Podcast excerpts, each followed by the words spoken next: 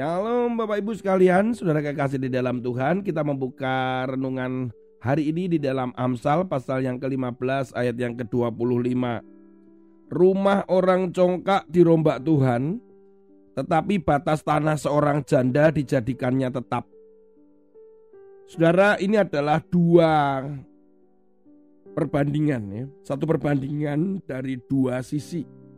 Yang pertama adalah orang congkak. Orang congkak yang dimaksudkan di sini adalah orang yang sombong, orang yang memiliki kesombongan karena kekuasaan atau kemampuannya dia.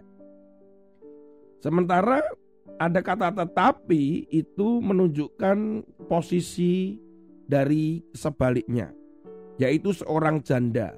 Seorang janda ini adalah gambaran daripada orang lemah karena janda pada budaya Yahudi lama itu termasuk orang yang lemah. Dikatakan di situ bahwa untuk seorang janda itu Tuhan itu benar-benar melindungi. Tetapi batas tanah seorang janda dijadikannya tetap ada perlindungan Tuhan. Sebenarnya ayat ini lebih menyiratkan kepada penindasan. Biasanya orang yang memiliki kekuasaan, kekuatan materi dan pengalaman itu, posisi termasuk di dalamnya, itu melakukan penindasan kepada mereka yang lemah. Sebenarnya ayat itu menyiratkan demikian. Kita yang memiliki kekuasaan, kita yang memiliki posisi, kita memiliki uang begitu, kita menindas atau kita memperlakukan orang itu seenak-enaknya gitu.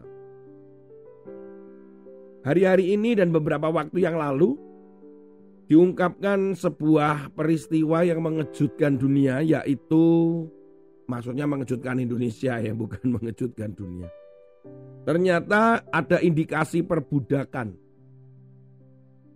ketika Bupati Langkat tertangkap tangan karena tindak korupsi beberapa waktu yang lalu. Ternyata ketika didalami lebih lanjut kemungkinan akan ada tuduhan yang lain. Karena di rumahnya itu ada kerangkeng ya, seperti penjara begitu dan berisi orang di situ. Saudara, dari catatan yang sekarang sedang disidik oleh banyak pihak termasuk kepolisian, kemudian wartawan juga demikian. Ditengarai adanya praktek perbudakan. Nah, kalau terjadi praktek perbudakan ya pasti nanti akan ada tindakan lain lain ya Saudara ya secara hukum. Karena dikatakan bahwa penghuni kerangkeng itu ada 48 orang. Mereka bekerja 10 jam satu hari. Dari jam 8 pagi sampai jam 6 sore. Setelah mereka bekerja, mereka akan dimasukkan lagi dalam kerangkeng, kemudian tidak boleh akses ke mana-mana, dan mereka tidak dibayar. Ini kan sudah merupakan praktek perbudakan. Mereka tidak mendapatkan upah, mereka cuma disuruh bekerja begitu saja bahkan pekerjaan yang dilakukan itu melebihi jam kerja normal 10 jam. Walaupun alasan daripada pengelola mengatakan mereka adalah dibina, warga binaan, mau di training dan sebagainya, tetapi faktanya tidak demikian. Mereka dipekerjakan di pabrik kelapa sawit milik Bupati Langkat. Saudara yang kekasih di dalam Tuhan ini loh yang namanya penindasan. Mereka tidak bisa berbuat apa-apa sepertinya. Mereka nggak mampu, mereka lemah. Nah bupati ini kan memiliki posisi saudara. Mereka punya posisi, mereka punya kekuasaan lah demikian. Mau enaknya untuk mencari keuntungan sebesar-besarnya dengan tidak menggaji upah. Saudara yang kekasih dalam Tuhan, kadang saya mengerti hal ini banyak terjadi sebenarnya di sekitar kita. Mungkin kita yang memiliki asisten rumah tangga yang ya tampaknya baik-baik saja, memang diberikan upah, tapi memperlakukan merekanya bagaimana? Jangan-jangan tanpa sadar kita memperbudak, menindas mereka.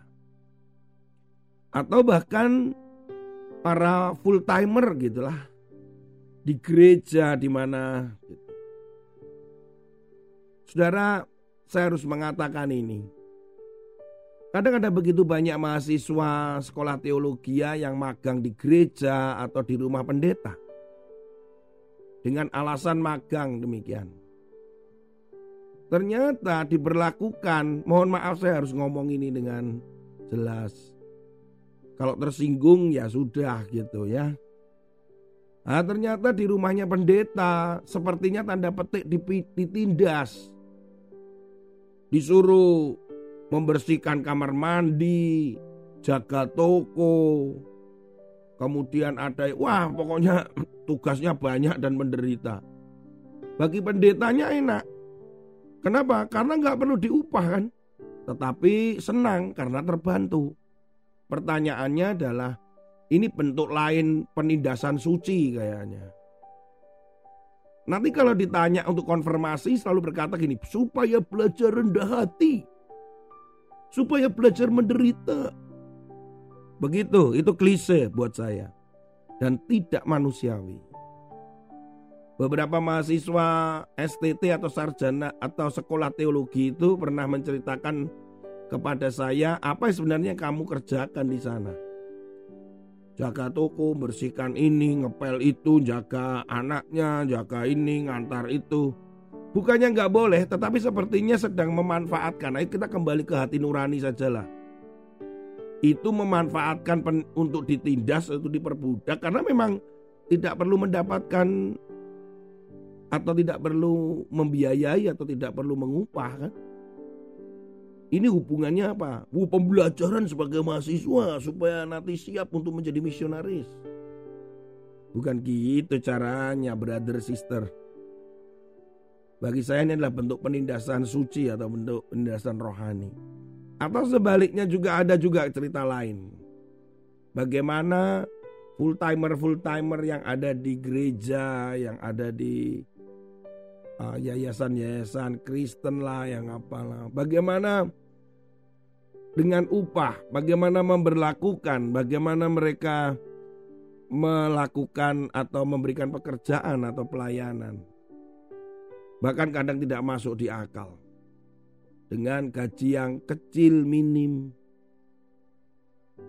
Beberapa bulan yang lalu saya mendapatkan berita bahwa ada seorang hamba Tuhan yang dipecat dari sebuah gereja di mana dia sudah mengabdi di situ puluhan tahun, puluhan tahun. Ya cuma dikatakan ya sudahlah terima kasih Tuhan Yesus memberkati. Saudara, gereja ini gereja besar. Ya setidaknya lah mendapatkan sesuatu. Atau bagaimana merayakan atau bagaimana menghargai pengabdiannya. Saudara, mohon maaf saya harus mengatakan hal ini. Karena sering kali ada penindasan-penindasan yang tanpa kita sadari. Mungkin kita adalah pelakunya. Tuhan akan melindungi mereka-mereka yang lemah. Ketika kita itu congkak untuk menindas mereka. Bertobatlah, mari kita bersama-sama memperlakukan sesama sebagai hamba Tuhan, sebagai orang-orang percaya, hidup bersama-sama untuk kita bisa membangun kerajaan Allah.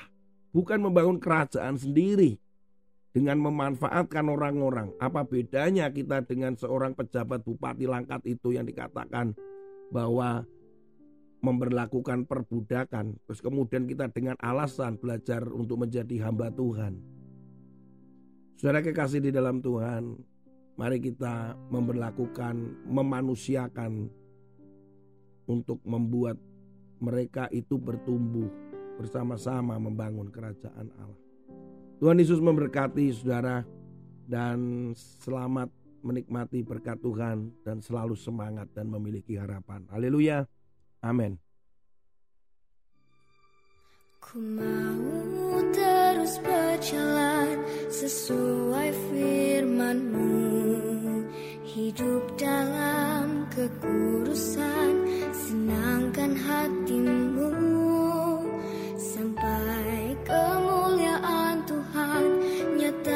down.